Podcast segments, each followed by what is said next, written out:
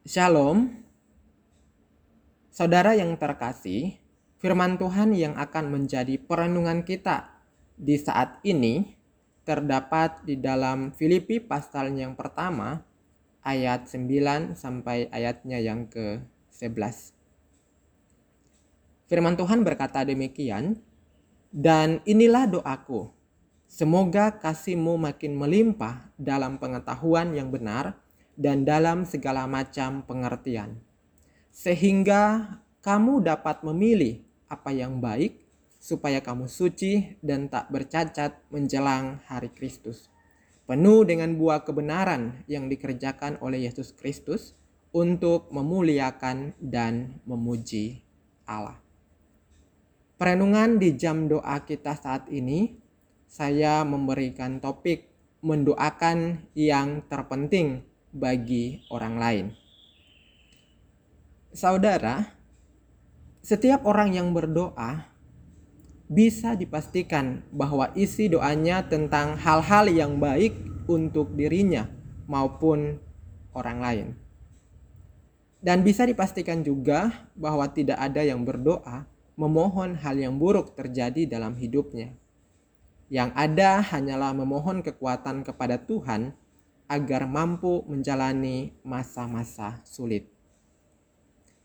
Tetapi saat kita berdoa, pernahkah kita terpikir tentang hal yang paling penting untuk kita doakan? Mungkin saat mendengar kalimat hal yang paling penting untuk kita doakan, Sontak kita langsung berpikir pasti tentang keselamatan bagi orang yang belum percaya. Itu benar. Bagaimana dengan orang yang sudah percaya? Orang yang kita kasihi? Apa yang terpenting untuk kita doakan bagi mereka? Surat kepada jemaat di Filipi, Paulus menuliskannya dengan sangat terang hal yang harus didoakan bagi orang percaya. Dan ini juga menjadi doanya Paulus ketika mungkin hanya satu permohonan saja. Apa yang Paulus doakan? Semoga kasihmu makin melimpah dalam pengetahuan yang benar dan dalam segala macam pengertian. Paulus berdoa agar jemaat Filipi memiliki kasih yang melimpah.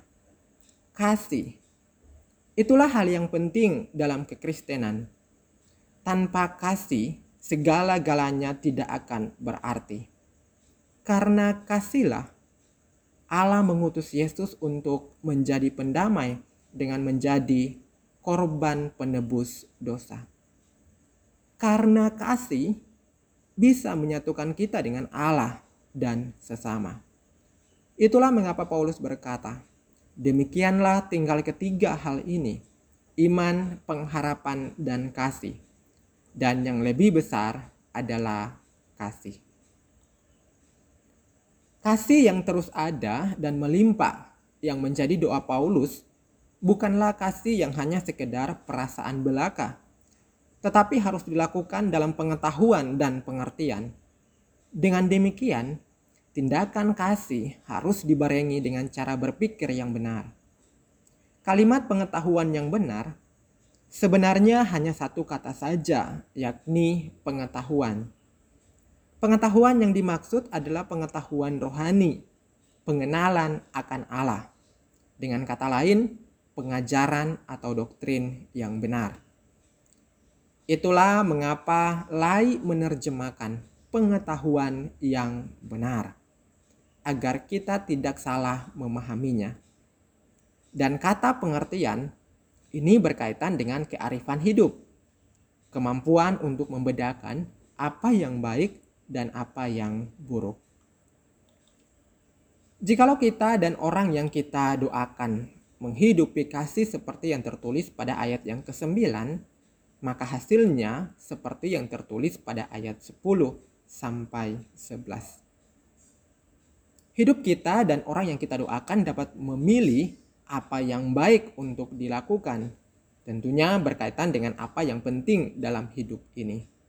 Kebaikan yang dilakukan akan tulus dan murni, tidak ada manipulasi. Dan hidup kita tidak menimbulkan batu sandungan bagi orang lain. Serta yang paling penting, hidup kita penuh dengan buah kebenaran yang dikerjakan oleh Yesus Kristus. Hidup yang penuh dengan buah kebenaran adalah hasil dari pekerjaan Yesus Kristus. Segala perbuatan baik kita atau tindakan kasih kita merupakan bentuk dari hasil pekerjaan Yesus Kristus yang sempurna di atas Kalvari. Tindakan kasih yang dilakukan bagi orang lain timbul karena kita sudah terlebih dahulu dikasihi oleh Yesus. Demikian pula pelayanan yang dilakukan karena Yesus sudah terlebih dahulu melayani kita. Kita melakukan segala perbuatan baik bukan untuk mendapat berkat atau perkenanan Allah, melainkan sebagai ungkapan syukur atas apa yang sudah Tuhan berikan.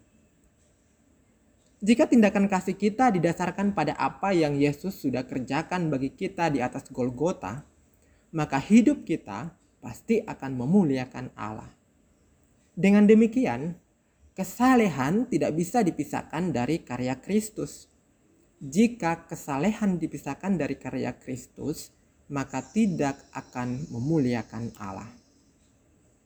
Saudara, marilah kita mendoakan orang-orang yang kita kasihi agar kasih mereka melimpah terus-menerus kepada orang lain di dalam pengetahuan yang benar dan dalam segala pengertian, sehingga mereka dapat hidup dengan baik dan hidup mereka memuliakan Allah.